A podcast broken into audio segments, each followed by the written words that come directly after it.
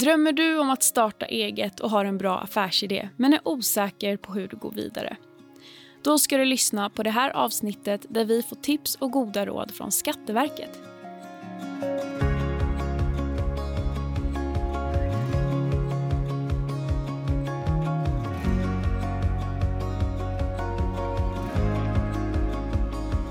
Välkomna till Ny i Sverige-podden. En podd där vi förklarar, tipsar och ger goda råd om att söka jobb och att jobba i Sverige. Podden som riktar sig till dig som är ny i landet.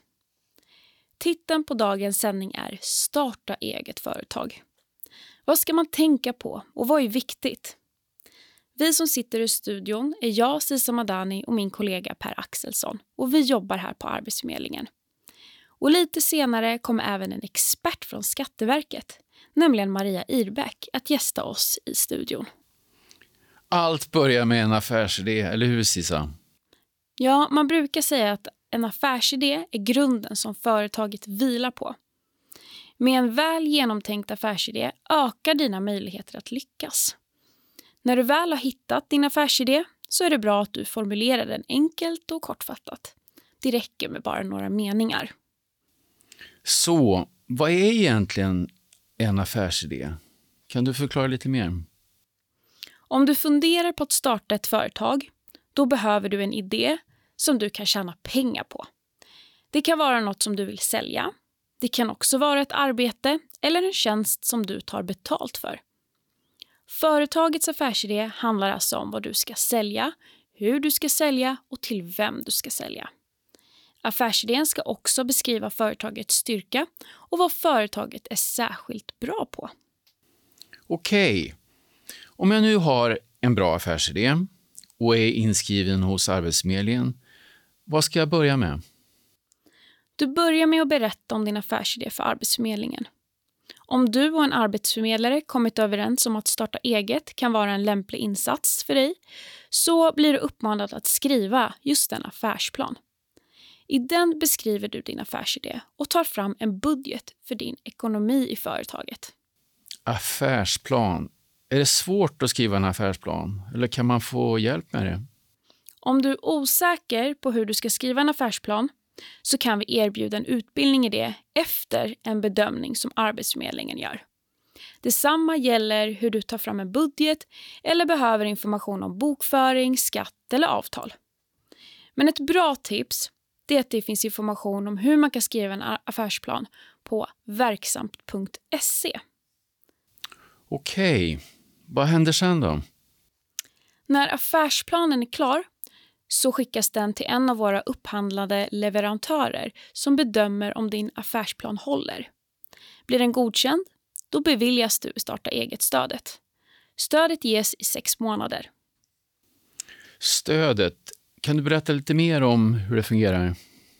Det som är viktigt att komma ihåg är att det här inte är någon extra ersättning du får. Utan rent ekonomiskt så behåller du den ersättningen som du redan har. Får du a-kassa idag så kommer du få motsvarande belopp utbetalt som aktivitetsstöd. Har du idag redan aktivitetsstöd så får du det fortsättningsvis också. Och har du en funktionsnedsättning så kan du få ett bidrag för kostnader i samband med starten av din verksamhet.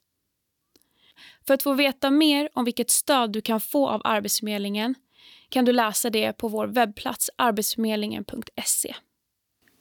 Finns det fler former av stöd? Du kan få råd med vad du ska tänka på och ta reda på inför och under företagsstarten från Arbetsförmedlingen. Dessutom kan du få vägledning av en mentor, ett så kallat mentorstöd. Men en väldigt viktig sak. Starta inte företaget innan du får ett godkännande. Okej, mm, varför är det så viktigt? Om du startar ditt företag innan du får ett beslut från Arbetsförmedlingen så får du inget stöd. Du ska alltså inte starta företaget innan om du vill ha ekonomiskt stöd från Arbetsförmedlingen. Du, eh, en annan sak. Behöver man något tillstånd? Innan du startar ditt företag ska du ta reda på om just du behöver tillstånd.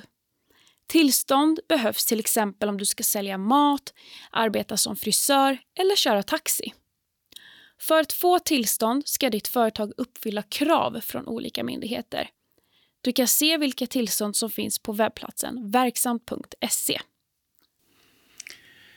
Okej, eh, när du startar företag då ska du välja vilken sorts företag du vill ha.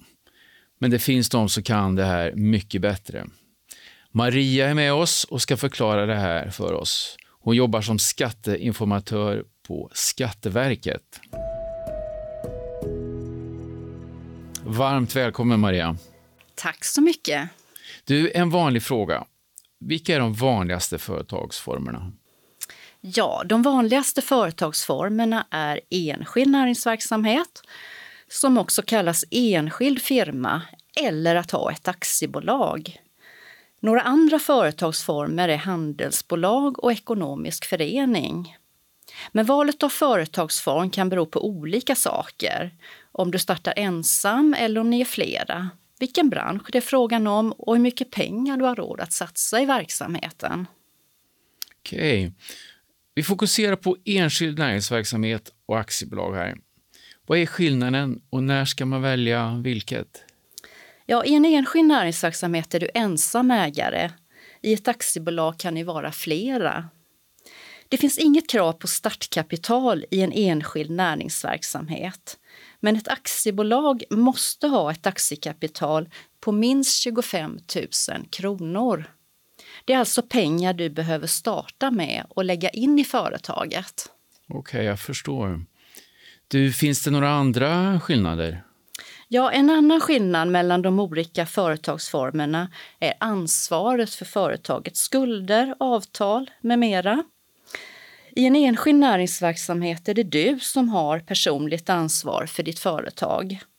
Det betyder att du själv måste betala företagets skulder om pengarna i företaget inte räcker till, till exempel vid en konkurs. Du Maria, det där måste du förklara lite närmare. Ja, I en enskild näringsverksamhet då blir du registrerad på ditt personnummer och det blir också företagets organisationsnummer. Och även om du då har ett personligt ansvar för ditt företag så är det viktigt att du håller isär företagets och din privata ekonomi. Ett aktiebolag däremot är skilt från dig som är ägare. Det innebär att det är bolaget som till exempel tecknar avtal och tar lån. Skulle ditt företag få en skuld som bolaget inte kan betala så är det i första hand bolaget som får stå för den. Bra. Du, eh, vilka fler skillnader finns mellan enskild näringsverksamhet och aktiebolag? Ja, I en enskild näringsverksamhet har du ingen styrelse. Men ett aktiebolag har krav på styrelse och den ska bestå av minst två personer. Är det något mer man ska tänka på när man väljer företagsform? En sak till att tänka på när du ska välja företagsform är beskattningen. Och den är olika om du har enskild näringsverksamhet eller ett aktiebolag. Det här är något du behöver ha koll på. Läs gärna mer om det på Skatteverkets hemsida. Så, vad är nästa steg, Maria? Ja, nästa steg är att du ska registrera ditt företag och det kan du alltså göra på verksamt.se. Verksamt.se, det där får du förklara. Ja, en sida jag varmt rekommenderar är verksamt.se. Där har Bolagsverket, Skatteverket, Arbetsförmedlingen och Tillväxtverket samlat information, verktyg och e-tjänster för dig som vill starta eller som redan driver ett företag. Där kan du till exempel läsa om hur du gör en affärsplan och en budget. Så är det här man registrerar företaget? Ja, precis. På verksam.se ska du registrera ditt företag. Då loggar du in med din e-legitimation på mina sidor och tjänsten finns alltså på webbplatsen verksam.se. Ett annat alternativ är att du använder en blankett på Skatteverkets webbplats när du ska ansöka om att registrera ditt företag. Och den blanketten heter företagsregistrering. Det är jättebra.